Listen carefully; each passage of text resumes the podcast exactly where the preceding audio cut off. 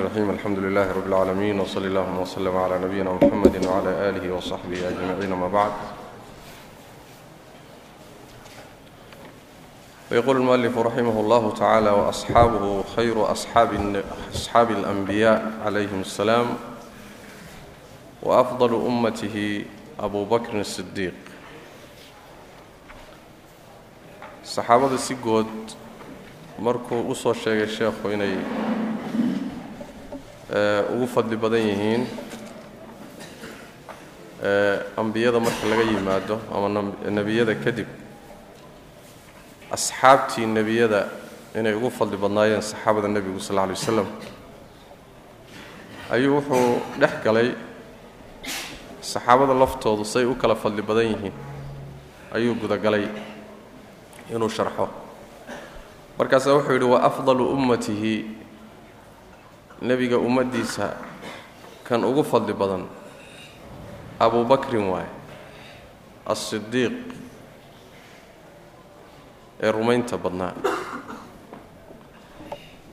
Abubakar baa ugu fadli badan ummadda nebiga sal alla alay wasalam macnaha wuxuu ka wadaa isagoo ay saxaabadu ummadda ugu fadli badan yihiin si guud marka la yidhaahdo bay haddana iyagu sii kala fadli badan yihiin. Waxaa ugu fadli badan sida uu isdabadhigay isdaba dhigayo sheekhu khulafaa uraashidiin afarta ah oo nebigu sal lla lay waslam uu yidhi calaykum bisunnatii wa sunnati alkhulafaa'i alraashidiina min bacdi caduu calayha binnawaajid. Kadibna tobankii jannada loogu bishaareeyey hal meel loogu wada bishaareeyey intoodii soo hadhay afartaa khulafada ah marka laga yimaado ayadana waynoo keeni doonaa wuu soo wadaa. Kadibna waxay sheegaan culimmadu ahlu beder raggii beder ka qayb galay oo ilaahay tabaaraka wa tacaala intuu taalacday uu yidhi waxaad doontaan sameeya waan idiin dembi dhaafay. Ahlu baycat ridwaan heshiiskii xudaybiya laqad radia allahu can lmu'miniina id yubaayicuunaka nimankay ku soo degtay ahlu baycati ridwaan baa la yidhaha mu'miniintii ka dambeeyey ee kadib soo islaamay intaan maka la furanin oo maka ka hor maslamatu qabla alfatxi baa la yidhahda waa kuwa rabbi tilmaamay tabaaraka wa tacaala laa yastawi minkum man anfaqa min qabli alfatxi waqaatal intaan maka la furanin dadkii islaamay ee dagaalamay iyo kuwii dib ka yimid ee dib ka islaamay ka dagaalamay isku mid maaha ma sinna raggaa hore ee wakhtigii islaamku baahida badan qabay soo islaamay sidaasay marka culimmadu ay isu daba dhigaan ay u kala fadli badan yihiin si guud. Haddana dhinac kale marka laga fiiriyo waxay kala fadilaan muhaajiriinta iyo ansaarta. Waa min xayu aljumla duuduub ahaan waa. Inay muhaajiriintu ka fadli badan yihiinna qur'aankaa laga qaadanayaa bay leeyihiin oo mar walba allah wuxuu hormariyaa muhaajiriinta wاsaabiquuna alأwaluuna min almuhaajiriina wاlansaar muhaajiriintaa la hormariyay lilfuqaraaءi اlmuhaajiriin kadibna wاladiina tabawa'u اdaar waa ansaar marka muhaajiriinta laga hormariyay sidaas qur-aanku u hormariyey bay uga fadli badan yihiin marka leanno islaamkana waa uga soo horreeyeen in badan oo iyaga ka mid a midda kale niman dhulkoodii iyo xoolahoodii ka tegey oo ilaahay dartii uga tegey iyo nin dhulkiisii iyo dalkiisii jooga isku mid maaha. Raggani dhulkaay ku dhasheen iyo xoolahoodii iyo qaraabadoodii iyo waxoodiiba ilaahay dartii uga tageen oo dhulal ayna aqoonin bay aadeen. Sida iyagoo laftooda u kala fadli badan yihiin. Marka way ka fadli badan yihiin. Muhaajiriintaas si guud marka la yidhaahdo min xayu aljumla waay laakiin waxaa la helayaa rag ansaarta ka mida oo iyagu laf ahaantoodu rag muhaajiriinta ka mida ka fadli badan. Ayaa la helayaa laakiin guud ahaan muhaajiriin iyo ansaar si guud kee fadli badan haddii la yidhahdo muhaajiriin baa fadli badan. Saas way macnaa. Oo nebigaaba dee muhaajiriinta ka tirsanaa sooma muhaajiriintu nebigu ku xisaabsan yahay salawatu rabbi waslamu caleyh ayib sidaas wey saxaabadu marka. Wixii guud ahaan sidaasay u wada ammaanan yihiin oo qiimo u leeyihiin wixii khaladoo ka yimaada ama afraaddooda ka yimaada ama dhex marayna wax uun lagu xisaabinaya wey inuu ahaa muxuu ahaaye ama waa akhdaa bashari ah oo cid ka badbaadaysaa ay yarta ama waa ijtihaad oo ruuxa asiibana uu noqonayo laba ajir leeyahay ruuxa khaldamana uu hal ajir leeyahay. Sida dagaalkii dhex maray oo kaleeto dagaaladii jamal iyo sifiin iyo nin walba khayrdoon buu ahaa. Sidaa un bayna wax ula muuqdeen. Dagaalkuna calaa hada alasaas buu ku dhacay.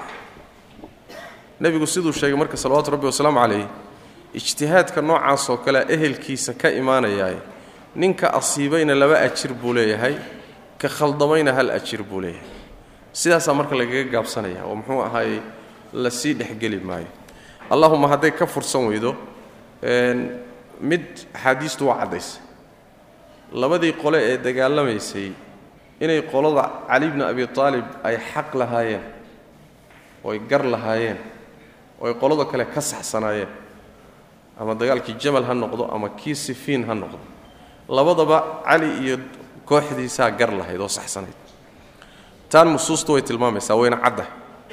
Laakiin kama dhalanayso qolada kaleeto in laga beri noqdo ama yacni lagu xukumo gaalnimo lagu xukumo ama lagu xadgudbo keliyata qoladaasina musiibeyn bay ahayn laba ajir bay leeyihiin cali iyo kooxdiis.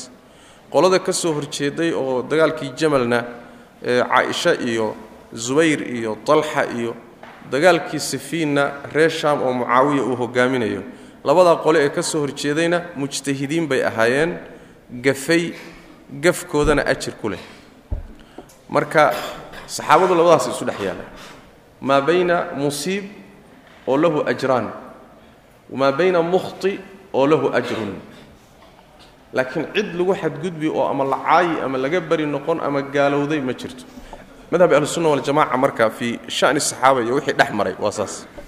Wixii intaa ka badan la sii dhexgeli maayo marka. Halkaasaa lagaga gaabsanaya oo dhexgalkaasi dhibkiisuu leeyahy nabigeenna salawaatu rabbi wasalaamu calayh baa in badan saxaabadiisa wuxuu leeyahy laa tasubuu asxaabii fawladii nafsii biyadihi low anfaqa axadukum midla uxudin dahaba maa balaqa mudda axadihim walaa nasiifahu bu nabr sal lay slm saxaabadeeda ha caayina buu nabr sal lay slm xadiidka buhari muslim ay soo saareen min xadiid abi saciid ilaahayga naftaydu gacantiisa ku jirtaan ku dhaartay haddii midkiin bixiyo uxud wax la eg oo dahab ah buurta uxud ee aadka u weyn oo dahab ah haddii aad bixiso ma gaadhi kartaan mud uu midkood bixiyey. Ama mudkaa xataa niskii oo midkood uu baxsaday ma gaadhi kartaan. Mudku waxa weeyaan waa sacabka sacab muggi oo qamandi ah. Oo mid saxaabada ka mida uu baxsaday. Ma gaadhi kartid haddaad buurta uxud oo dahaba aad sadaqaysato. Mudkoodaa ma gaadhi kartaan. Leanna waxa weeyaan saan xalayba soo taqriirinay. Waxaan wax loo dhigaba lahayn. Inay nebi maxamed la noolaadeen oo la saaxiibeen oo arkeen baan wax loo dhiga lahayn taasaa wax kasta haddaad samaysa aan la gaarhi karin. Oo ikhtiyaar iyo doorasho rabbi ah tabaaraka wa tacaala. Weliba wuxuu ku imaanayaa xadiidkani laa tasubuu asxaabii wuxuu ku imaanayaa isku dhicii dhex maray cabdiraxmaan ibni cawf iyo khaalid ibn lwaliid khaalid ibn waliid iyo cabdiraxmaan ibni cawf baa isku dhaxay cabdiraxmaan ibni cawf marka waa min asaabiqiina alawaliin waa raggii hore ee horey ka islaamay buu ahaa muhaajiriinta ahaa. Khaalid ibn waliidna wuxuu ahaa raggii soo islaamay bacda sulxi alxudaybiya sannadkii lixaad wixii ka dambeeyey soo islaamay marka way isku dhaceen? Nebigii arrintoodii u tagtay sal lay waslam khaalid buu marka nebigu sal lay waslam si gooni a u canaanto wuxuu yidhi saxaabadayda hayga caayina saxaabada hayga caayina yaa lagu wadaa marka. Yacni wuxuu ku socdaa hadalku u dhacahayaa cabdiraxmaan iyo raggii hore raggiinnii dambow ka gaabsadaa la leeyahay. Ila diinta islaamku waxay taqaanaa wax la yidhahda sideedaba ruuxan hadduu diinta waxuu qabadkeeda iyo islaamnimada iyo kaaga soo horreeyo wax badan buu kaa horreeya.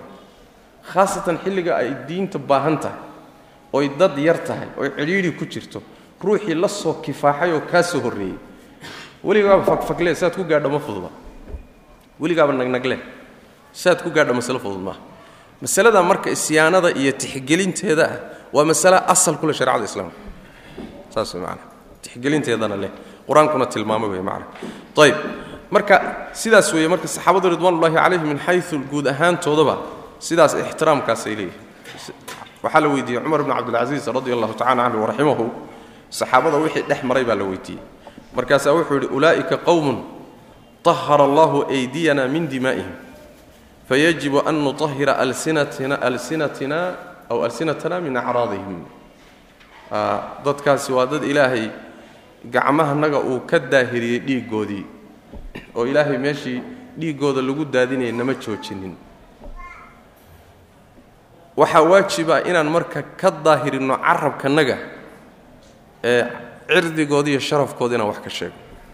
Haddiiba ilaahay gacantanada dhiiggooda ka badbaadiyey carabkanaga waa inaan cirdigooda ka badbaadinu leeyahy ficlan saas way macana ayib xadiidka uu soo saaray alimaamu abaraani min xadiidi ibni mascuud ibni cadina uu ka warinaya ibni mascuud iyo hawbaan labadaba iyo cumar sheekh albaanina uu saxiixinaya ayaa nebigu wuxu uhi sal lla lay waslam idaa dukira asxaabii faamsikuu saxaabadayda markii la sheego gaabsada.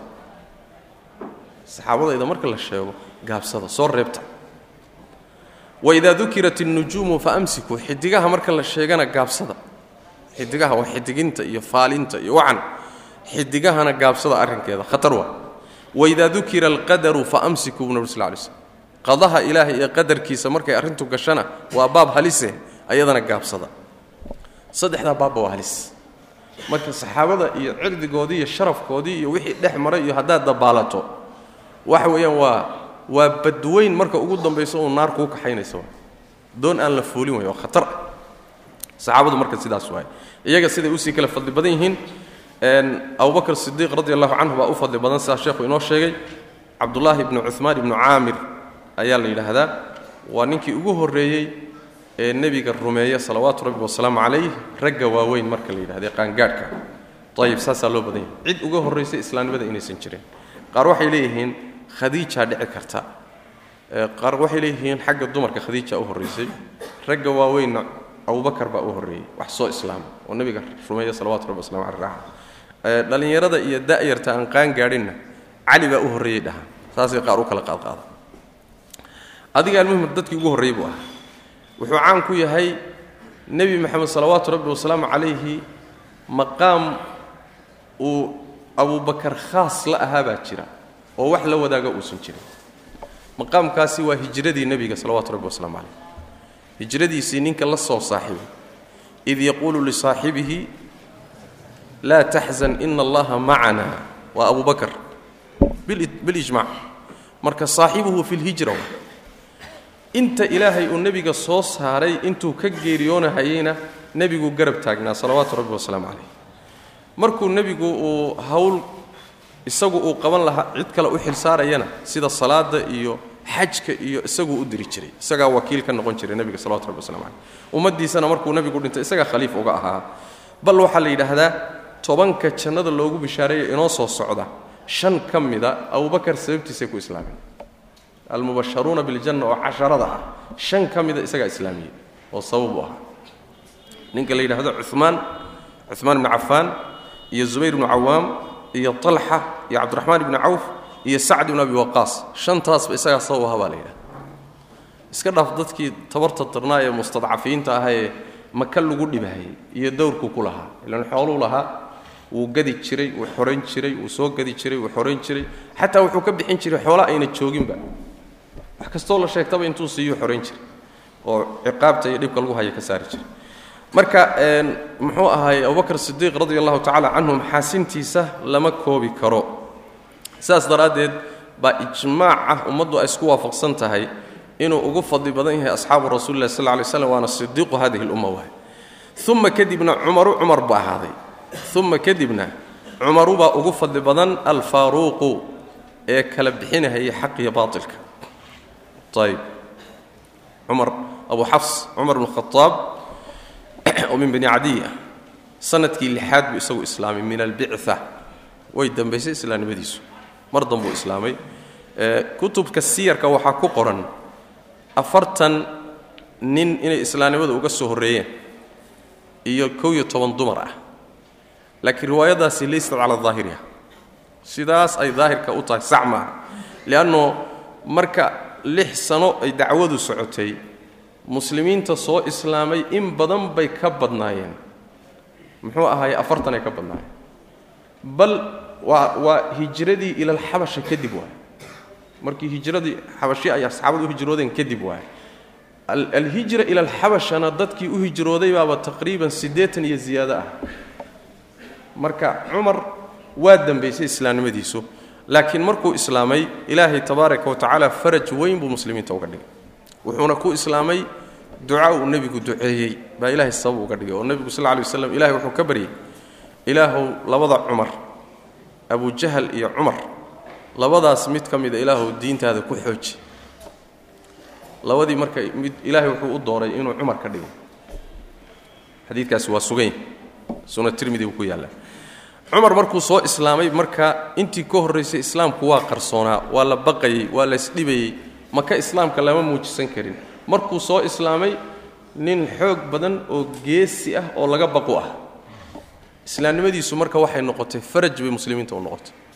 Waxaa isku dhowaa isaga iyo xamsat bni cabdilmualib oo isaguna ahaa nin dhallinyaro ah oo geesi ah oo sababta uu ku islaamay isagana ay ahayd xamiya ficillo uu nebiga u ficilooday. Saas way macnaha ilan sooma in ahayn muxuu ahaaye adeerkiibu ha sooma marka nebigaa la dhibay oo rag baa aad u dhibay. Marka wuu xanaaqay. Xanaaqii iyo ficilladii baa marka keentay inuu islaamo xamsa markuu soo islaamay cumarna islaamay. Mako dadkii lagu dhibahayey islaamkii faraj badan baa u baxay odayaashii iyo wixii su'aalahaya waxay yidhahdeen carwarkaasi wax sameeya. Waa la isdhaqaajin waaya walow iddihaadkiiyo dhibkii sii socday haddana waxa weye qarsoodidii waa laga baxay. Marka sidaasuu ahaa cumar radi allahu tacala canhu ardaa. Kadibna cumar abubakar markuu dhintay khilaafadii xilkii buu la wareegi doonaa. Wakhti dheerna muslimiinta waa u hayay faaruuqaasi alcumaru alfaaruuq waxbaan uga tegi doonaa maxaasintiisa iyo fadaa'ishiisa iyo manaaqibtiisa faaruuqaasi riwaayo waxaa jirta tilmaamaysa inuu nebigu faaruuq u bixiyey oo ibnu casaakir baa keenay fii taarikhi dimashq iyo kutubta taarikhduna way sheegaan muxasiyarka siiradaan dhihi lahaa sifatu saf oo ibnu jawsiya baa keenay inuu nebigu u bixiyey faaruuq laakiin magacaabistaa inuu nebigu leeyahay ma sugna. Calaa xasabi cilmii inta garashadayda ah inuu nebigu cumarulfaaruuq u bixiyey ma sugna. Ahar ahaan ma sugna ayb uma kadibna cumaanu cumaan baa ugu fadli badan. Dunnuurayni labada nuur u saaxiibka ahaa. Cumaankii dunnuurayni labada iftiin u saaxiibka ahaa. Abu cabdilaahi cumaan ibni cafaan ree bani umaya wey ibn cabdishams ibn cabdilmanaaf ayb waa raggii ugu horreeya nebiga sal lay waslam ee raaca oo rumeeyuu ahaa. Intuusan weliba daarul arqam nebigu uusan gelin nin deeqsiya oo wuxuu ahaa xoolo badan cumar kadibna xilka muslimiinta uu qabtay biitifaaqi ahli shuura ayuu ku qabtay taqriiban soddon iyo shantii hijriga. Ayaa la dilay isaga oo shahiid ah sida nebiga ka sugan salawatu rabbi wasalaamu calayh. Cumar oo ka horreeyeyna labaatan iyo saddexdii hijriga isagana la dilay isagoo shahiid ah. Labadaba inay shahaado qaadanayaan nebigaa sii sheegay salawaatu rabbi wasalaamu calayh. Ayb ama abubakr sidiiq isagu saddex iyo toban hijrigu markuu ahaa ayaa isaga uu dhintay si cadiguu u dhintay. Saas macnaa saddex iyo lixdan sanuu jira abubakar markuu dhimanayay. Cumar markuu dhimanayeyna lixdan iyo saddex sanuu jira isagana. Nebiguna lixdan iyo saddex sanuu ku dhintay. Muwaafaqaadka cajiibkaa bay ka mid tahay. Saddexdooduba isku da'aad bay ku dhinteen. Ayib cumaan ibnu cafaan asaga taqriiban wuu ka da'weynaa oo waxaa la yidhaahdaa muxuu ahaayey ilaa sagaashan buu gaadhay dhahan cumaan isaga wuu ka da'weynaa intaa wuu ka badnaa. Marka dunnuurayn waxaa loogu bixiyey bay dhahan dunnuurayn nebigu kuma magacaabin laakiin waa loo yaqaanaa cumaan dinnuurayn cumar alfaaruuq waa la dhahaa.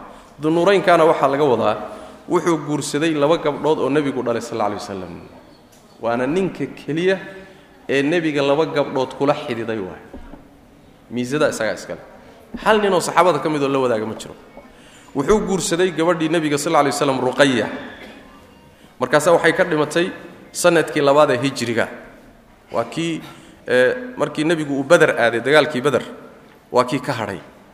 Wuxuu kaga hadhay ruqaya xanuunsanaysay oo nebigu u reebay sal lay waslam ayaduu marka baxnaaninteedu u hadhay.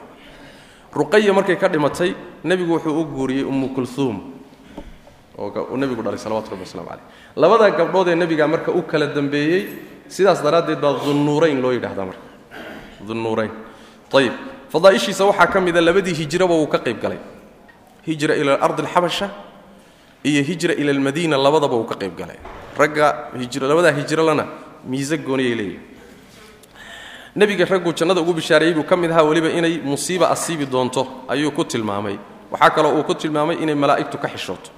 Alaa astaxyii min rajulin tastaxyii minhu lmalaa'ika buu nabig sl lay slm nin malaa'igtuba ka xishoonayso miyaana ka xishoonayn ayib sidoo kaleeto maalinkii baycat ridwaan. Beecada waxaa nebiga lala galay isagoo maqanoo jira maka oo nebigaa dirayoo qabaa'ishii wuxuu u diray odayaashii reer qureysheed inuu la hadlo arrintan uu isagoo nebiga ka socda sal lay isagoo maqan baa marka beecada la galay. Cumaan maqnaanshihiisii nebigaa gacantiisa mubaayacada ugu sameeyey. Maadaama uu maqan yahay intuu nebigu labadiisa gacmood isa saaray buu idhi tanna cumaan baa iskale. Cumaan marka wuxuu ahaa nin aad u qiimo badanoo saxaabada nebiga ka mid a sal ly waslam miisaayaad wuxuu leeyahay iyo manaaqib aan lala wadaagin. Biru muxuu ahaayey ruuma ninka yahuudiga lahaa magaalada madiina ninkii u gaday wey muslimiinta ee xoolihiisa ka bixiyey ciidankii jeyshulcusra la baxay ee tabuuk ku duulay ee suuratu tawba ka hadashay aad looga hadlay ninkii kharashkiisa bixiyey buu ahaa. Markaa kadibna nebigu uhi sal lay waslam maa dara cumaana cumaana maa camila bacda alyowmi maratayn laba goor buu nebigu ku celiyey. Maanta kadib ina cumaan wuxuu bixiyo wuxuu sameeyo maba dhibaysaba. Waa nin macnaha waxa weye jaawaz alqantara marka nin noocaasuu ahaa cumaan ibnu cafaan radi allahu tacala canhu waardaah waxaa uma kadibna caliyun cali baa ugu fadli badan caligii almurtadaa ee laga raali noqday. Caliyun almurtadaa laga raali noqday. Dhammaantood waa laga raali noqday laakiin uun taqriiban waa uun ammaan wa dhammaantood way la wadaagaan. Oo nin aan laga raali noqon raggaasi ma jiro. Cali bn abi aalib waxa weye cali abulxasan cali bn abi aalib ibn cabdilmunaafi ibnu cabdilmualib nebiga in adeerkii dhallinyaradu marka la yidhaahdo iyo carruurta ninkii ugu horraysa oo islaamay baa la yidhahdaa siddeed jir buu ahaa? Markuu islaamayay bay yidhaahdaan. Waa ninkii guursaday nebiga gabadhiisii faatima. Faatima bintu rasuuli lah sal alay waslam oo carruurtiisa uu ugu jeclaa. Ninkii qabi ha cali bn abi aalib ibn cabdilmualib ibn cabdilmanaaf saxwe. Ayib waxay u dhashay labadii wiil ee nebigu aad uu u jeclaa ee xasan iyo xuseen ahaa oo carruurtiisaba ahayd nebiga salawaatu rabbi wasalaamu calayh ayay u dhashay. Marka manaaqibtiisu aad bay u fara badan isagana maalintii khaybar ninkii uu nebigu yidhi way maanta calanka waxaan u dhiibayaa nin alla jecel iyo isaguna alla jecel. Waa maalinta uu leeyahay cumar maalinkaasaan weligay jeclaaday buu yidhi xil in la ii dhiibo.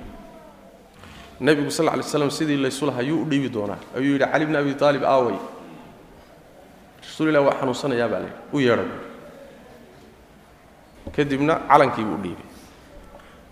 Calankii furashadii khaybar calanka waxaa waday cali bn abi aalib isagaana ilaahay tabaaraka wa tacala sabab uga dhigay furidii khaybar. Cumaan kadib baa khilaafada loo dhiibay muslimiinta oo xilka muslimiinta uu qabtay waxaana la dilay sanadku markuu ahaa afartankii hijriga ayaa la dilay sanadkiisuna da'diisuna waxay ahayd isagana lixdan iyo saddex.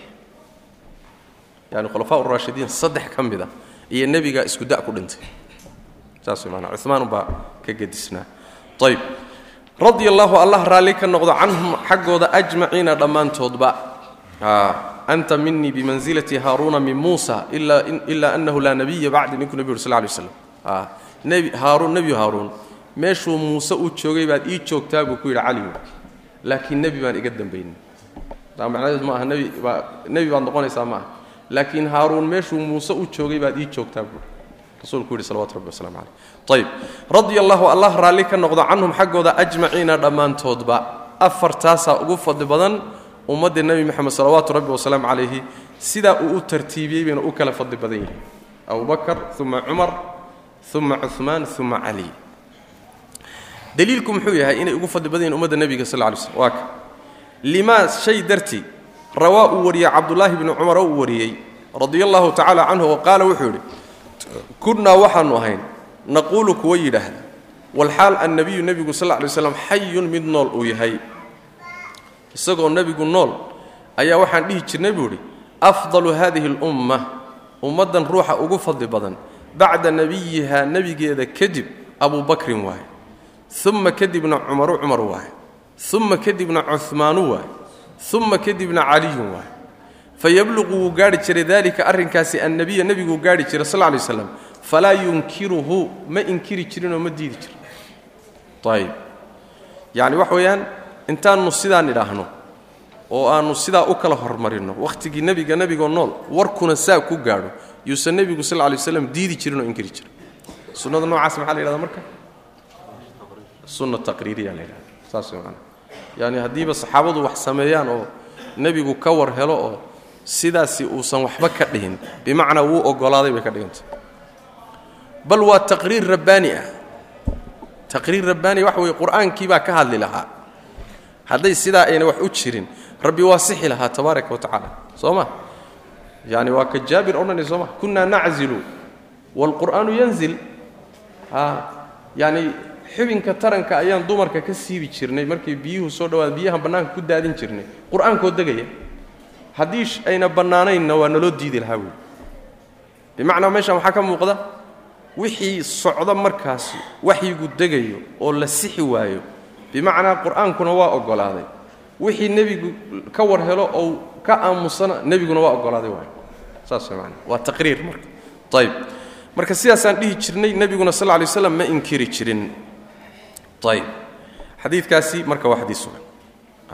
Xadiidkaasi waa xadiis sugan oo muxuu ahaayey bukhaari iyo muslim iyo hayrkood baa soo saaray riwaayada bukhaariyadu waxay leedahay kunaa nukhayiru bayna annaasi fii zamani nebiy sal lay slam wakhtigii nebigan dadka kala fadili jirnay. Fa abaa bakrin uma cumara uma cumaan ibna cafaan.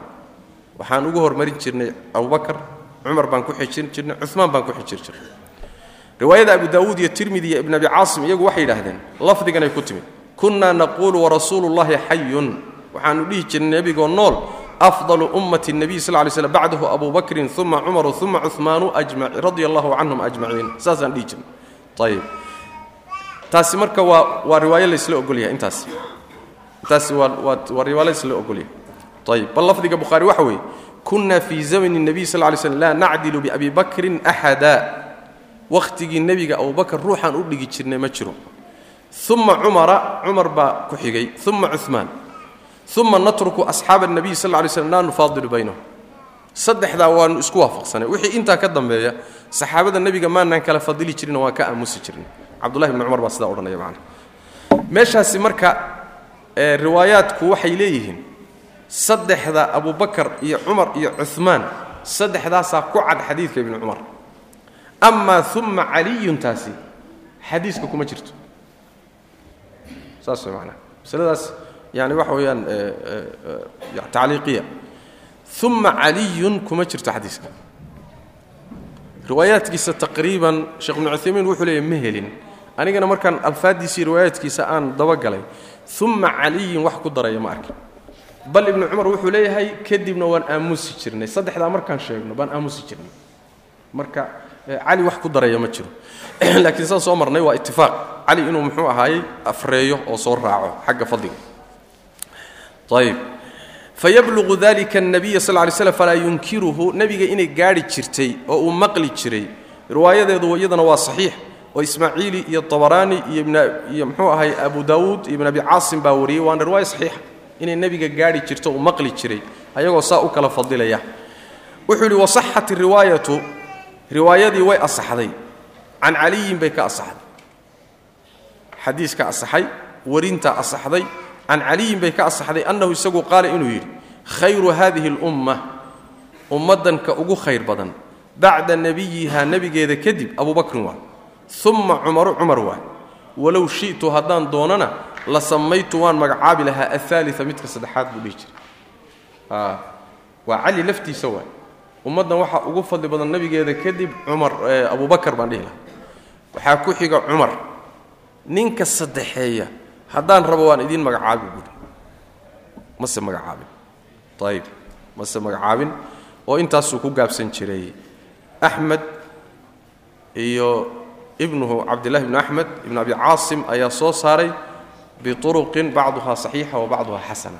Saas wey xadiidka uruqdiisa qaarna waa xasan qaarna waa saxiix marka yani wax weeyaan sidaasay uga sugan tahay cali bn abi aalib laftiisa macnaha tartiibkaasi marka waa tartiib laysku waafaqsan yahay xagga afdaliyada say u kala fadli badan yahay afarta khulafada. Ah waana tartiibka sidoo kaleeto khilaafada iyo xilka muslimiinta ay u qabteen. Saasay iyadoo u kala tartiibsan tahay macnaha ayib wuxuu yidhi sheekhu marka warrawaa wuxuu wariyey. Abudarda abudarda wuxuu wariyey can nabiy nebiga wuxuu ka wariyey sal ly slam annahu nebigu qaala inuu yidhi maa talacat ishamsu qoraxdu ma soo bixin walaa harabat mana ayna dhicin bacda alnebiyiina waalmursaliina nebiyada iyo mursaliin iyo rususha kadib calaa afdala cid ka fadli badan korkiisa min abi bakrin abibakar ka fadli badan. Cid abubakar ka fadli badan nebiyada iyo rususha kadib qoraxi korkiisa kuma soo bixin. Korkiisana kuma dhicin. Xadiidkaas sidaa tilmaamayaa ama lafdigaa leh waa xadiid daciifa waay ma sugna waa xadiid daciifa axmed baa soo saaray fii fadaa'il الصaxaaba ibn abi caasimna fi sunna waana xadiid daciifoo lafdigaasi ma sugnaa waxaa ku jira laba cilo nin la yidhahdo baqiyat bn اlwaliid cancanadiisa waana mudallis macruuf ku ah weliba tadliiska noociisa ugu shar badanee tadliisu taswiya ayuu caan ku yahay cillada labaadii waxa weeye ibnu jurayj cabdulmelik ayaa isagana cancaneeyey oo mudallis ah labadaa meeloodba cilla kaga jirta xadiisku sidaa daraaddeed ma sugna waa daciif. Laakiin fadliga abubakar waxaa inagaga filan.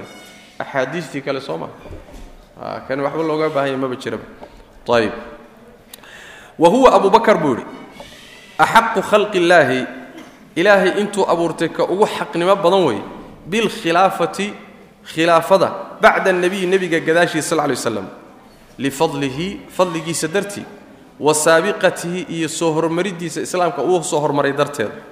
Wa taqdiimi nebiyi iyo nebiga hormarintiisa darteed lahu isaga uu hormariyey. Fi salaati salaada dhexeeda uu ku hormariyey calaa jamiici asaxaabati saxaabada dhammaantoodna uu ka hormariyey.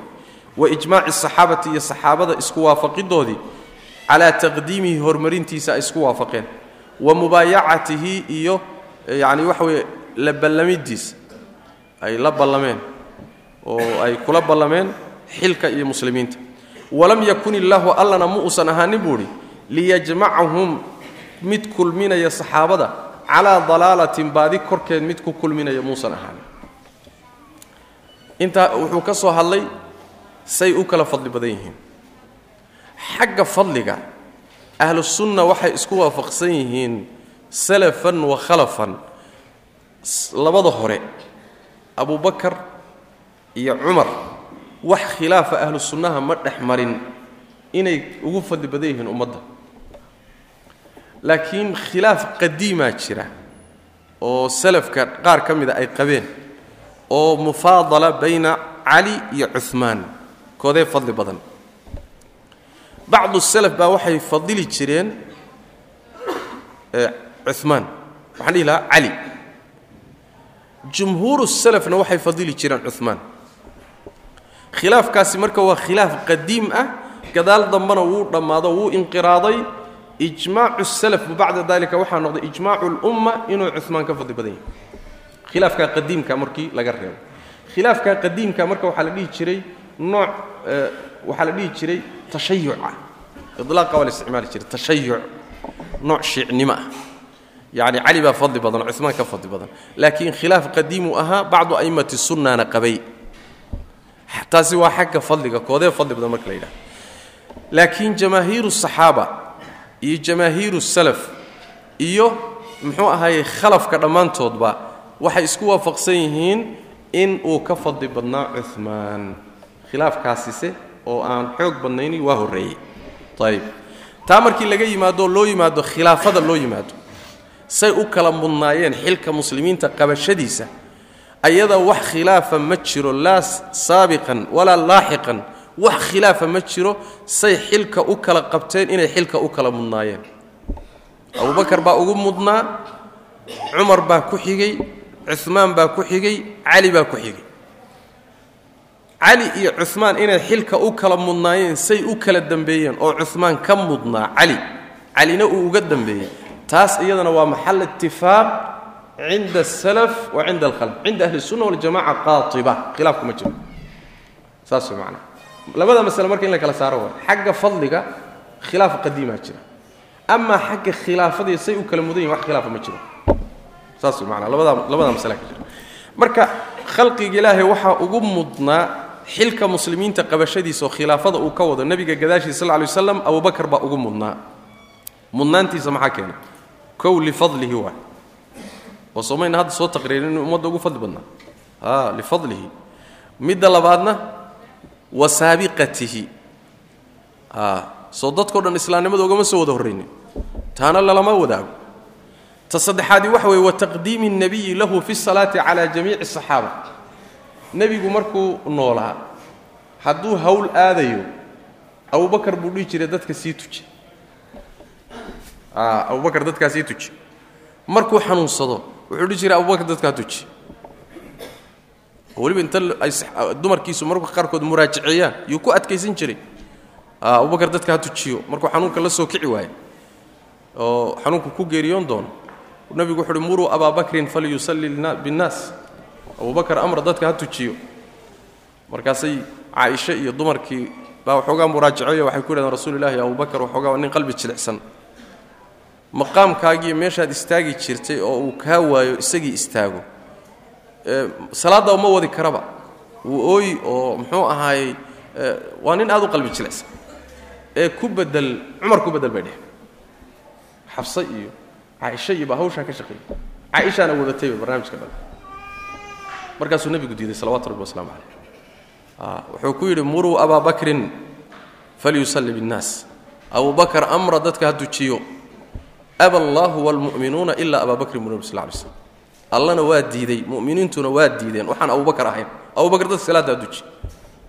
Amaa idinka soo waxaad tihiin nebi yuusuf dumarkii wakhtigiisiiyo hawshiisii oo kale baad tihiin buu yidhi. Hawl baad waxaad kayd baad wadataan buu nebi sal lay slam waxaan meesha ku jirin baad wadaan. Ayagiina canaan buu nebigu ku dhuftay salawatu rabbi wasalaamu calayh marka abubakr sidiiq nebiga salawaatu rabbi wasalaamu calayhi marka uu dhimanayo salaadda inuu tujiyo ummaddoo booskii nebiga uu istaago. Cid aan isaga ahayn waa u diiday. Soo ma? Waxaana la yidhaahdaa waa tilmaan uu nebigu tilmaamayey xilka muslimiinta inuu uga dambayn doono. Waa masalada ay culimmada sunnadu ka hadlaanoo qabashadii uu abubakar xilka muslimiinta qabtay ma nas bay ahayd mise ishaara iyo iimaa bay ahayd mise ijtihaadu saxaabay ahayd. Cala araajix waxa weeyaan nas cad ma jiro oo dhahaya gadaashayda abubakar xilka muslimiinta ha qabto. Nas cad ma jiro. Laakiin waxaa jira ishaarooyin daahir ah oo nebigu marar fara badan uu bixiyey oo tilmaamaya inuu xilka uga dambayn doono ummadda xilkeeda. Tanaa ka mida salaadaa ka mida salaadaa ka mida macana marka horumarintaa uu nebigu saxaabada intooda kale ka hormariyay way ku tusaysaa saas daraaddeed baa fii saxiixi albukhaari waxaa eh, ku sugan eh, abaqaat lkubra wuxuu ku keenay ibnu sacd inuu cali bin abi aalib uu yidhi lama qubida nabiyu sal lay slam nadarnaa fii amrina nebiga markuu dhintay ayaanu arrinkanaga fiirinay buuhi fawajadna nabiya qad qadama abaa bakrin fi salaa haddaan arrinkanagii fiirinnay odaan xilka u dhiibannaa waxaa noo soo baxday buu idhi inuu nebigu abubakar salaada hormariyey oo isaga uu booskii istaajiyey. Fa radiinaa man radya rasuulu اllahi lidiinina buui ruux nebigiiba uu raalli uga noqday inuu diintanadii nagu hogaamiyo oo na tujiyo. Rasuulku raalli uga noqday. See baanaan adduunyadanada raalli uga noqonayn inuu nagu hogaamiyo. Diin iyo adduunyo kaga horreeya. Ya soo diinimo horraysa ruux diin ahaan lagu hor istaajiyey adduunyadu xaggay joogtaa way marka soo ma nebigaa raalli nooga noqday inuu diintii nagu hogaamiyo. Adduunyadanadii iskaba dhaaf wey marka macana raalli baan uga noqnay buui faqadamnaa abaa saasaan abubakar ku horumarinay buui marka oonu ku doorannay. Fadaaishaasuu leey marka. Ayib sidoo kale saxaabadu waxay isku waafaqeen horumarintiisa markuu nebigu geeriyooday salawaatu rabbi wasalaamu calayh iyagoo nebiga aasin oo weliba nebiga sal lay waslam aynan jusadiisii asturin ayaa waxaa timid xilka muslimiinta yaa qabanaya. Ilan faraaq baa yimid. Waxaa da loo yaqaano faraaq baa yimid. Waa bannaanaaday. Muslimiinta taladooda yaa looga dambaynaya. Nebiga aaskiisa laftiisaa talo u baahan. Haddii ayna jirin cid taladu ka go'do waxba layslama qaadan karo. Intayna nebiga aasin bay marka ka hadleen yaa xilka u dhiibnaa. Niqaash dheer kadib ansaari wax sheegatay muhaajiriin gooni u shireen markii dambe cumar baa soo qabtay abubakar sidiiq oo ummadda hor keenay.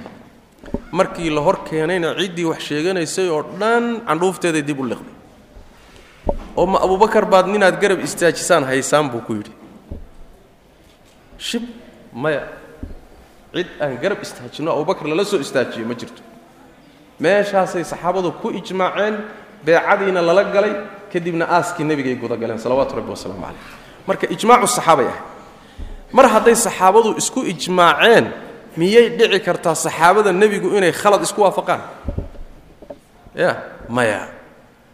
Bal nebigeenna salawaatu rabbi wasalaamu caleyh axaadiis cadcad baa ka sugan oo uu leeyahay ilaahay ummadayda khalad kuma kulmiyo. Ma dhici kartaba? Hadduuba shaygu khalad yahay ummaddu isku waafaqi mayso. Saas daraaddeed baa iswaafaqidoodu ay ka mid tahay adilada waaweyn ee sharciga. Waxaan weliba iyada laysku khilaafsanayn ijmaaca saxaabada isaga layskuma khilaafsana inuu xuja qaatica yahay khilaaf kuma jiro. Wixii ka dambeeyey saxaabada ayaa ijmaacooda khilaaf ka taagan yahay laakiin saxaabada ijmaacooda layskuma khilaafsana macna. Arrimahaasu markuu sheekhu sheegay oo uu abubakr sidiiq ummadda intooda kale uu xilka uga mudnaa. Fadaa'ishiisa faraha badanna waataan soo tilmaanno nebigu la soo hijrooday salawaatu rabbi wasalaamu calayh. Isagaa ugu horreeyey rumeeyey xoolihiisi iyo naftiisuu nebiga ku garab istaagay oo uu nebigu sal lay waslam uu yidhi xadiis saxiixulbukhaariga ina allaha bacanii ilaykum. War ilaahay baa iisoo kiindiray buuhi faqultum kadabta. Markaasaa waxaad itaarhadeen buu yidhi been beentaa waay intuu alla isoo diray baa waxaad tidhaahdeen waxba ma sheegay sida waa beenta. Wa qaala abu bakrin sadaqa. Abubakar baa keligii soo istaagoo yidhi waa runtii markaad idinku wada dhahdeen waa beentii abubakar baa yidhi waa runtii wa waasaanii binafsihi wa maalihi. Xoolihiisiiyo naftiisana waa igu xidhiidhiyey oo ilaa maalinkuu islaamay buu nebiga xoolihiisiiyo naftiisa la garab istaagay. Markaasaa nebigu uhi fahal antum taarikuu lii saaxibii saaxiibkaygan ma ii daynaysaan buu nebigu sal lay slm war saaxiibkayga ma ii daynaysaan. Ayib waxay ahayd isku dhici dhex maray isagiyo isagiyo cumar. Isagii cumar baa isku dhacay. Isagii cumar markuu isku dhacay oo weliba abubakar baa lahaa muxuu ahaay markan dambe siduu sheegay khaladka isagaa lahaa marka markuu ku khaldamay buu wuxuu yidhi intuu u tegay walaalow iska kay cafi. Abubakar baa dhahay. Cumar wuxu uhi kuma cafinayo wuu soo tegey abubakar oo nebigu yimi sal alay waslam nebi allow sidanaa dhacday cumar baan ku khaldamay cafi baan idhi wuu iga diiday markiiba cumaroo socdaa yimid. Nebigu sal lay wasalam waa xanaaq markaasuu wuxuu leeyahay wuxuu ku yidhi saaxiibkay ma ii daynaysaan. Saaxiibkay ma ii daynaysaan. Intaasaan isla marnay intaasuu ii sameeyey waxaasaad igu samayseen waxaasuu ii sameeyey ma ii daynaysaan saaxiibka. Ilaa abubakar ka yidhahda rasuul ilah anaa ka gardarnaa. Rasuul ilah anaa ka gardarnaa. Anaa khalad ka lahaa. Nabiguna muxuu leeyahay saaxiibka ii daaye marka nin la geli kara muku leeyahay ninkaas ninka cumar lagu leeyahay war saaxiibka ii daa adiga xaggeed ka geli kartaa ma la geli karo marka fadaa'ishiisu wax la koobi kara ma aha waa ninka nebigu yihi salawaatu rabbi wasalaamu calayh yani waxa weeyaan ina min ina min amani الnaasi calaya fii suxbatii wamaalihi abaa bakrin walow kuntu mutakhidan khaliila hayra rabbii latakhadtu abaa bakrin walakin ukhuwat اlislaami wamawadatu bu nabi sal lay slam yani cid un haddaan khaliil ka dhiganayo alla aan ahayn abubakar baan khaliil dhigan lahaa markaasaa wuxuu uhi laa yabqayanna fi lmasjidi baabun ilaa sudda ilaa baabu abubakrin buu sal lay slm irido fara badanoo waxaa jira masaajid ku soo furnaa oo saxaabadu ka soo geli jireen. Amar buu nebigu wuxuu yidhi iridaha oo dhan ha la xidho. Iridda abubakar waxaan ka ahay. Masaajidka iridihii soo geli jiro waa la xidhay halkii iridee abubakar baa la reebay. Waa xadiista tilmaamaysa inuu nebigu ishaaray xilka muslimiinta inuu uga dambayn doono. Xadiis tilmaamaysa ka midta ijmaaca saxaabaduna sidaasuu ku dureersaday sidaasuu uu ku qabtay abubakr sidiiq xilka muslimiinta uu ku qabtay. Wa huwa xaqu khalqi illaahi bilkhilaafati weeye khalqi ilaahi ka ugu mudnaan badan wey ugu xaqnimo badan xilka muslimiinta qabashadiisa bacda nebiy nebi gadaashiisa sal lay slam lifadlihi oon la gaari karin wasaabiqatii iyo hormariddiisa cid walba islaamka uga soo horreeyey wa taqdiimi nabiyi nebiga hormarintiisa sal lla lay slm lahu isaga uu hormariyey fi salaati salaada dhexeeda calaa jamiici asaxaabati saxaabada dhammaantood uu ka hormariyey wa ijmaaci asaxaabati iyo saxaabada isku waafaqidooda ay iyaguna isku waafaqeen calaa taqdiimihi hormarintiisa wa mubaayacatihi iyo xilka muslimiinta in lagula heshiiyo oo ballan lagula galay. Walam yakun illaahu allana muusan ahaanin liyajmacahum saxaabada mid kulminaya oo yani isku waafajinaya calaa dalaalatin baadi korkeed mid ku kulminaya alla muusan ahaan. Sida xadiidka nabiga ku cad salawatu rabbi waslamu caleyh. Uma kadibna min bacdihi nebiga gadaashiisa waxa ah abubakr waan soo sheegnay soo ma?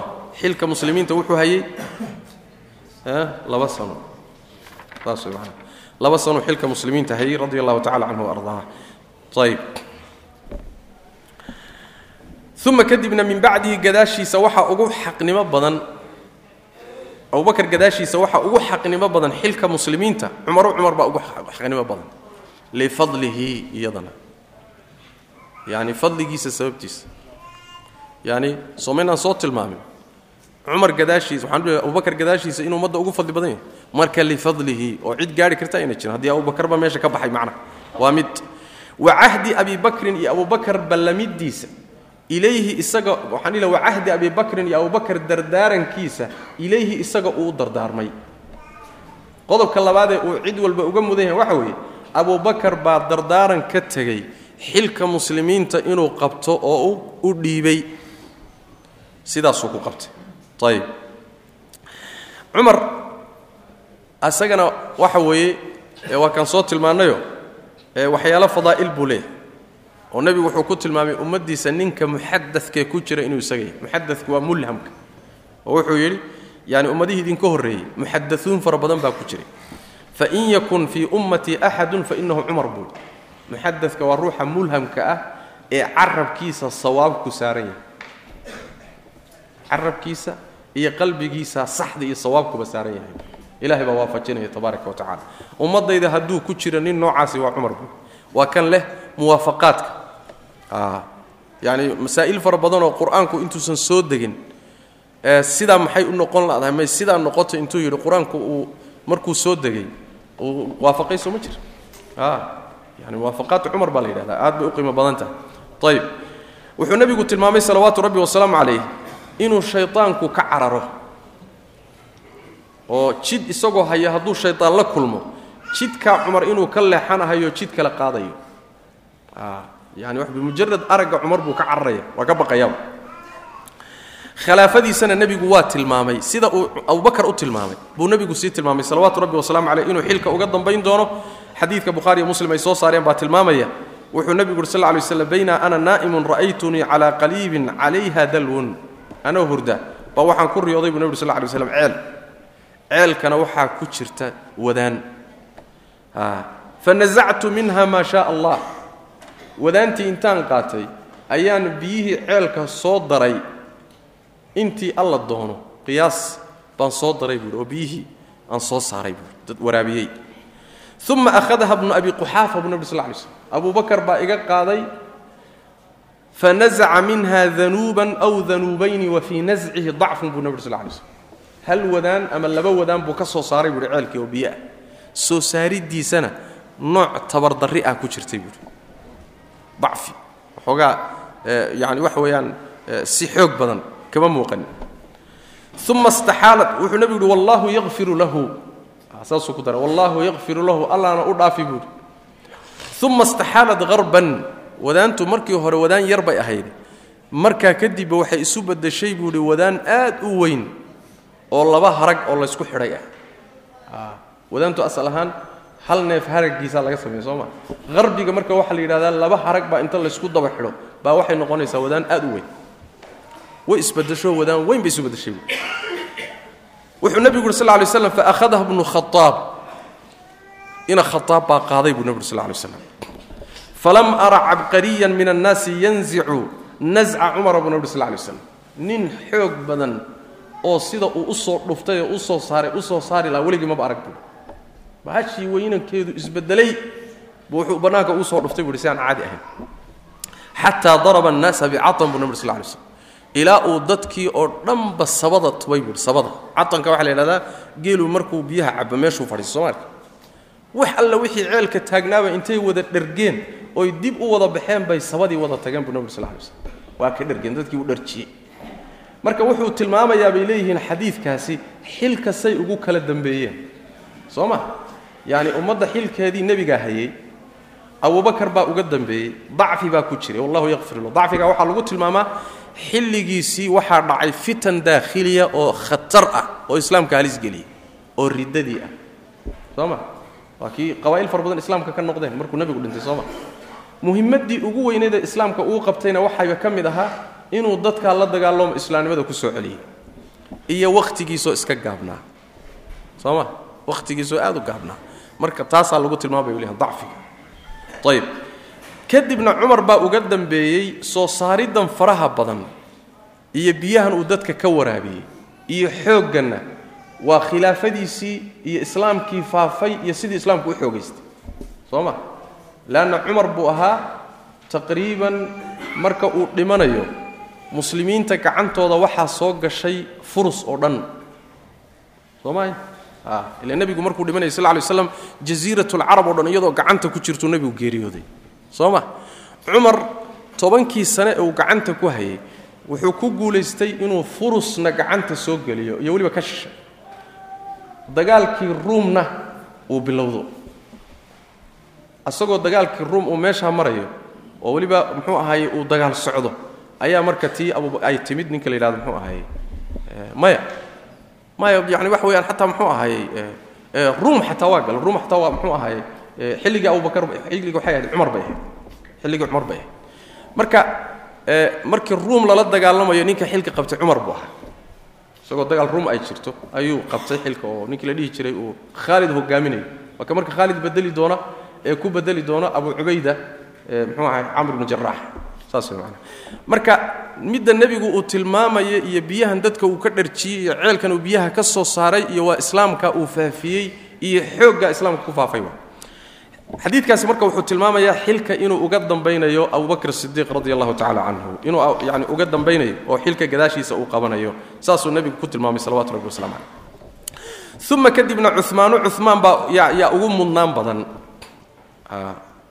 Cumar baa ugu mudnaan badan soo muusane yani waxaad iyadana ku dartaa oo xilkiisa qabashadiisa wuxuu ina yidhi abubakar baa u dardaarmay. Soo ma? Yani waa qodob kale oo khaliifkii muslimiinta ayaa intuusan dhimanin xilka ku wareejiyey u dhiibay dardaaran ka tegey inuu muslimiinta uga dambeeyo cumar. Ayib saxaabaduna kadib wax khilaafay ma jirin. Beeca lala galay arrintii waa lagu raacay wax ka hor yimidna ma jiro. Uma kadibna cumaanu cumaan baa ugu mudnaan badan xilka. Radia allahu tacala canhu litaqdiimi ahli shuuraa dadkii talada horumarintooda darteed lahu isaga ay hormariyeen ahlu shuuraa waxay ahaayeen markuu cumar dhimanayay. Cumar waa tii la dhaawacay soo garanaysaan? Ninkii majuusiga ahaa uu dhaawacay isagoo salaadda dadka tujinaya. Waa kii mindida gelin jiray cumar markuu dhaawacmay dhowr beri buu dhaawac ahaa. Markii xaaladiisu cuslaatay ayuu wuxuu isugu yeedhay raggii almubasharuun biljanna raggii ka laabnaa ayuu isugu yeedhay oo lix ah. Lixdoodiibuu marka arrintii dhex dhigay. Wuxuu yidhi xilkii muslimiinta idinku maanta idin dhex yaallaa. Dhexdiinna ka doorta ninkii xilka muslimiinta qaban lahaa. Ahlu shuura qoladaasaa la yidhahda marka. Way tashadeen akhiiranna markii ugu dambaysay waxay isku raaceen in cumaan xilka loo dhiibo. Saas man saxaabadii kalena waa ku raaceenoo markaasay beecadii la galeen. Sidaasay ku timid cumaan ibnu cafaan weliba arrinta inteeda badan waxaa qabtay ninkii la dhihi jiray cabdiraxmaan ibni cawf baa qabtay. Oo markii waxaa la kala rajixi kari waayey oo isu soo taagay xilka cali bn abi aalib iyo cumaan cabdiraxmaan baa marka intuu saxaabadii dhex maray oo xataa dumarkii soo warsaday oo uu dadweynihii muslimiintii saxaabadii iyo si fiican u soo dhex maray oo afti ka soo qaaday iyo natiijo ah wuxuu soo gaadhay saxaabadii haddaan dhex maray cid ay cumaan garab dhigahayaan ma helin buuri natiijadaa markuu soo saaray waa lagu raacay marka. Saasaa markaa lagu xilka loogu dhiibay oo lagu caleemo saaray cumaan ibni cafaan radia allahu tacala canhu arda kadibna cali bin abi aalib wuxuu ahaa raggii beecada la galay buu ahaa. Waa waafaqay isaga laftiisu waxba kamuusan qabin waa ku raacay macnaha sidaasuu marka ku qabtay dee fadiilo kalena waa leeyahayo raggii ugu horreeyey buu ahaa. Sooma somayna hadda soo marin. Lifadlihi walisaabiqatihi fi lislaam waliijmaaci asaxaaba kulli dalika way la socotaa macnaha ayib uma kadibna caliyun cali baa uga dambeeyey. Uma kadibna caliyun cali baa ugu xaqnimo badan xilka muslimiinta lifadlihi fadligiisa daraaddii waan soo tilmaanay soo ma? Wa ijmaaci ahli casrihi wakhtigiisa dadkii joogay isku waafaqidooda darteed calayhi korkiisa isku waafaqeen. Ijmaacu ahli casrihi casrigaasi waxa weeye zamankaas dadkii noolaa wixii dhintay mooye dadkii noolaa way isku waafaqeen in xilka muslimiinta loo dhiibo. Ayib marka yani khaliifka afraad buu ahaa. Isku waafaqidiisa hal ruuxoo diiday ma jiro. Cali bn abi aalib inuu xilka muslimiinta cumaan kadib qabto leanna cumaan hadduu dhintay khilaafba ma jiraba cid ku haysatana maba jiraba. Xataa zubayr iyo talxa iyo caaisha baycada way galeen. Markan dambe ee dagaalka jamal iyo u dhacayo oy maka aadeenoo sulxi iyo heshiis ay wadaan way galeen beecada way galeen. Cali waxbay ka galeen muxuu ahaaye xil u dheebidiisa keliyata baycada waxaa ka cudur daartay nimankii la dhihi jiray reer shaam oo markaa mucaawiyat bin abi sufyaan uu hogaaminayay oo cumaan intuu noolaa ayuu mucaawiye u dhiibay gobolka shaam oo uu ka ahaa gumrotoore ka ahaa. Waali buu ka ahaa. Asagoo saasuu marka cumaan dhintay oo la dilay. Cumaan markii la dilay ayaa markaa dhiiggiisi laysku qabsaday. Niman huwaar ah oo uu la soo kiciyey oo wax lagu soo akhriyey oo masar laga soo abaabulay ayaa dilay cumaan oo ku dilay xafiiskiisa gurigiisa ku dilay. Saas way macnaa. Nabigaana hore usuu sheegay salawatu rabbi wasalaamu calayh. Calaa balwa tusiibuhu. Janno ugu bishaareeya buuhi cumaan ayadoo ay jirto musiibo iyo wax fitno asiibi doonto. Balaaya asiibi doonto. Walayaasitan wa waxaa kaloo nabigu ku yidhi sal lay waslam ilaahay qamiis buu kuu gelin doonaa. Inaad siibtaana lagaa codsan doonaa cumaanow ha siibin. Qamiiska marka waa khalaafada xilka wa nimankan markay kacdoonka wada yimaadeen xilka dhig bay ku yidhaahdeen. Warnimaya maxaad ugu haysataa? Kanaan kugu haysannaa? Sidan aad wax u maamushay? Xoolaad sidan u maamushay? Ilmaadeeradaaba xilka u dhiibtay kanaad tahay? O! Maalinkii beder baad ka maqnayd waxaanaad samaysay beecaturidaan baad waxbay daldaleen warnimaya maxaad iga rabtaan? Xilka dhiib ma dhiibayo. Way dileen. Way dileen. Markay dileen kadib ayaa waxaa dhalasho ahaan u xigay mucaawiyat abi sufyaan. Oo reer bani umaye isku ahayna soo ma? Mucaawiya marka wuxuu soo istaagay dhiiggii nimankii dilay cali nimankii dilay baan dhihi lahaa cumaan caliyow nimankaasi ciidankaagay ku jiraan waana niman la soo qaban karo. Waa dad la yaqaano. Dadkaa iyaga ah soo gacangeli ha la qisaaso dhiiggii cumaan aan hello markaan hello kadibna beecada waa kula gelaynaa. Midda marka muhimka inaan fahno u baahan waxa waaye reer shaam iyo mucaawiye xilka kuma haystaan cali bni abi aalib risaalada muhimka inayna gaadho u baahan taas waay cali bni abi aalib xilka laguma haysanin reer shaamna kuma haysanin khilaafadiisana mayna inkirsanayn. Laakiin qodobku wuxuu ka taagnaa intaanaan kula mubaayacoonin dhiiggii cumaan meel saar oo raggii dilay soo qaqabo oo ha la qisaaso. Iyo caliyoo ku doodaya war ma ahee? Dowladdii tabar ma hayso. Nimankan waa niman xoog badan. Waa niman ilaa masar laga soo abaabulay. Waa niman magaalada madiine markay soo galeenba xataa in yacni loo babacdhigaba ayna fududayn nimankii noocaa ahaa ilaa dowladdu isku hagaagto oo intaad beecada gashaan dadku israacaan xoog aan ku soo qabanna aan hello markaasaan soo qaban karnaaye bal horta beecadii gala oo ummaddu ha israacdo oo dowladdii ha israacdo oo markaa kadib baadi goobnoon soo qaqabanno dhiigga yaa lahaa oo dhiiggan mubaashir ahaa yaa kaalmeeyo ahaa waa masale lafteeda xaqiijin u baahan soo ma? Dowladdii oon weliba taabagelinba ma suroobi karto cali marka wuxuu lahaa beecada soo gala dowladdu ha israacdo markaa kadib dhiiggii aan dabagallo iyo dadkii waxgalay xad iyo xugum waxay leen aan marinno. Arrinta maandhaafka keentay horta taasay ahayd. Oo calina uu sidan u arkahayey reer shaamna ay iyo mucaawiyana ay sidan u arkayeen.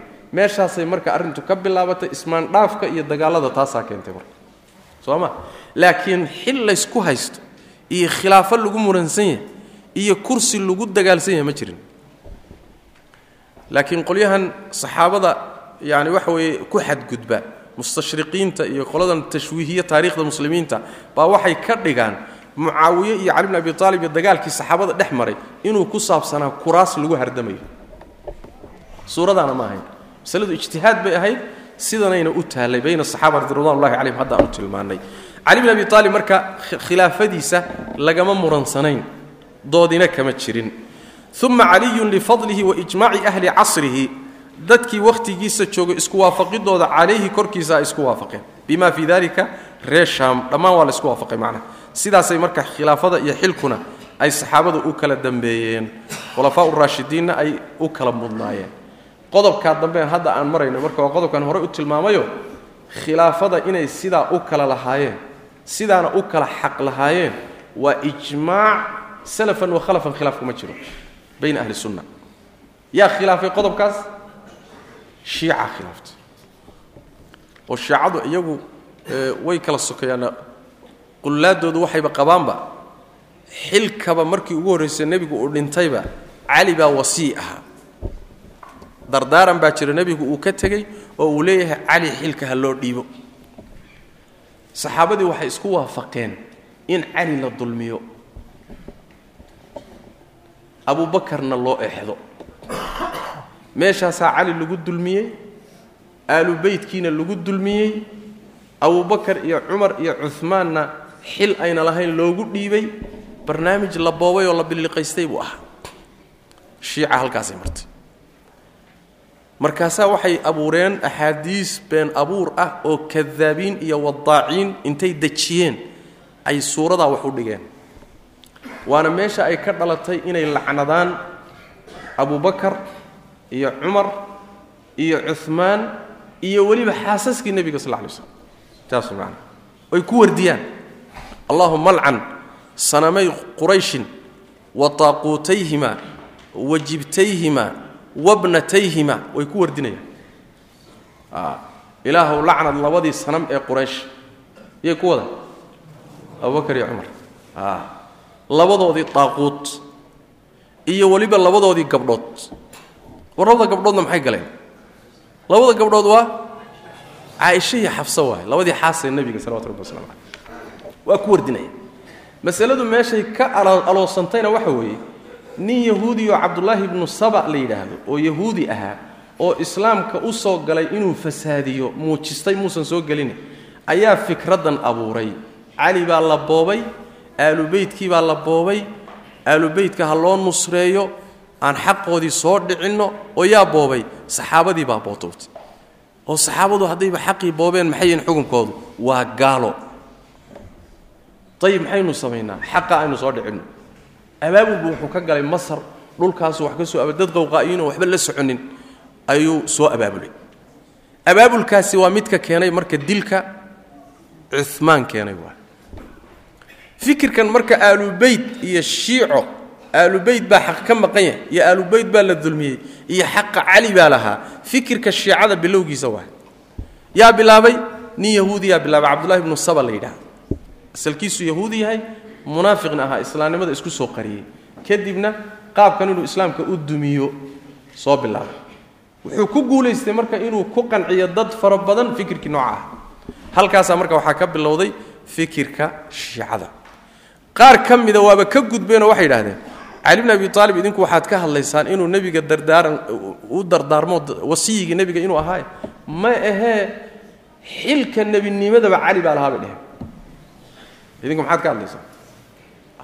Xilka nebinimadaba malakul jibriil baa loo soo dhiibay hawsha.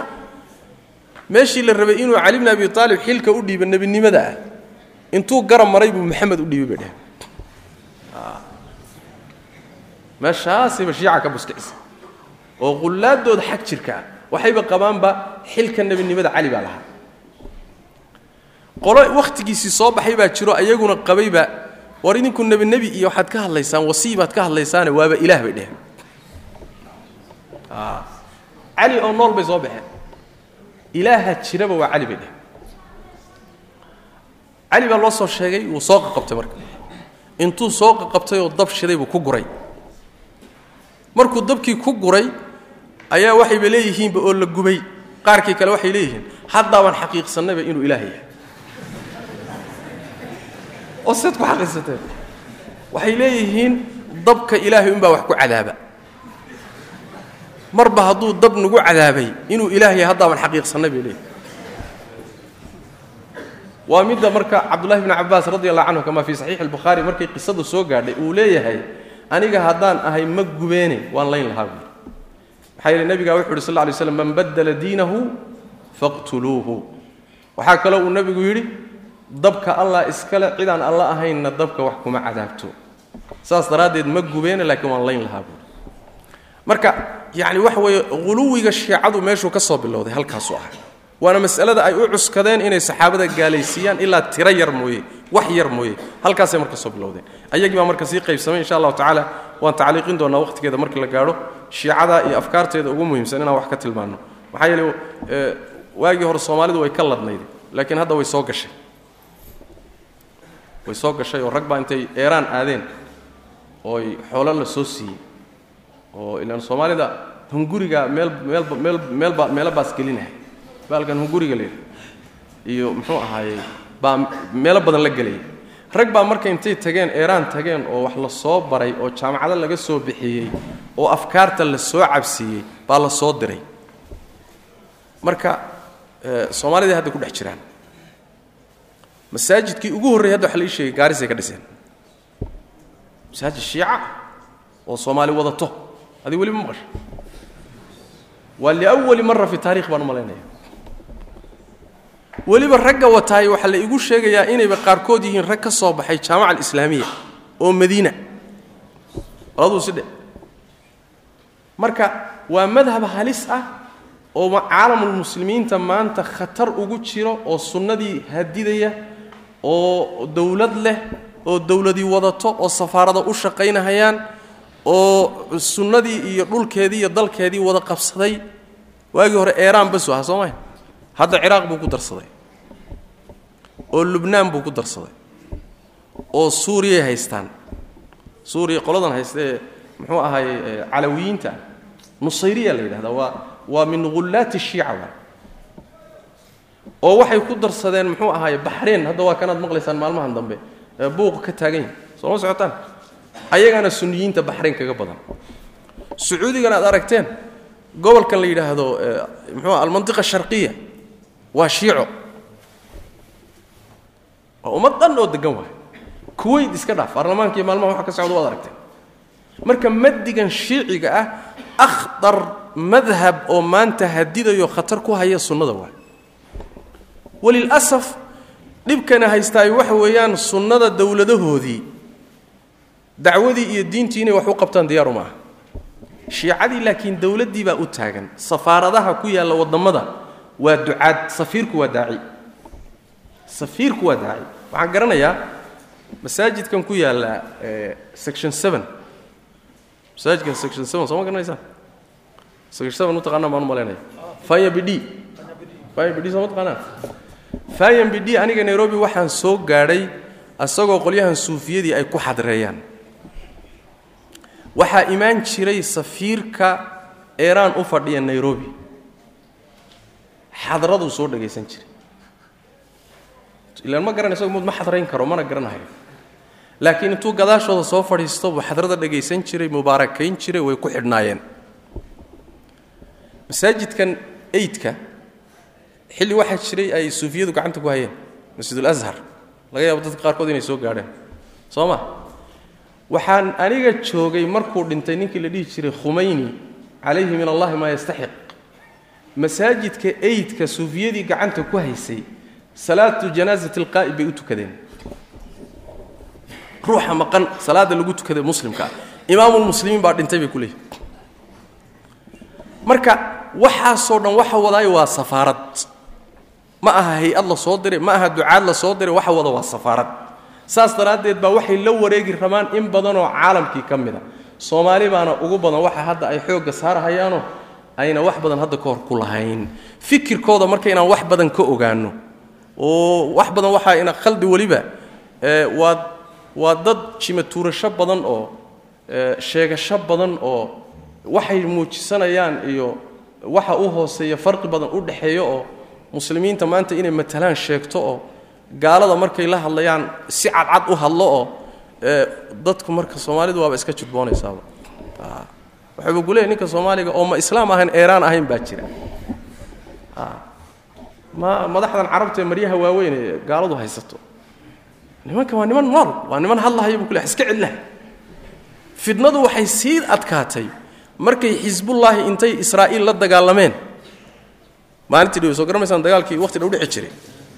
Oo israa'iil la jabiyey baa waxaa soo baxday xisbullah huwa xisbullaahi xaqan xisbullaahi xisbi kale ma jiro waa xisbullah muslimiintii suniyiintii caalamulislaami o dhan baa judbaysan marka. Maxay u judbaysan yihiin? Xisbullah waa shiico. Marka nala qabsay waxoogaa yar baa naga wax yar baa naga dhaqdhaqaaqayse laakiin bal in la fahmo shiica maxay tahay waa mas'ale muhiim ah khaasatan duruufta hadda aan joogno hada billahi tawfiq wsal allah waslam ala nabiyina mxamed wala ali w saxbi slm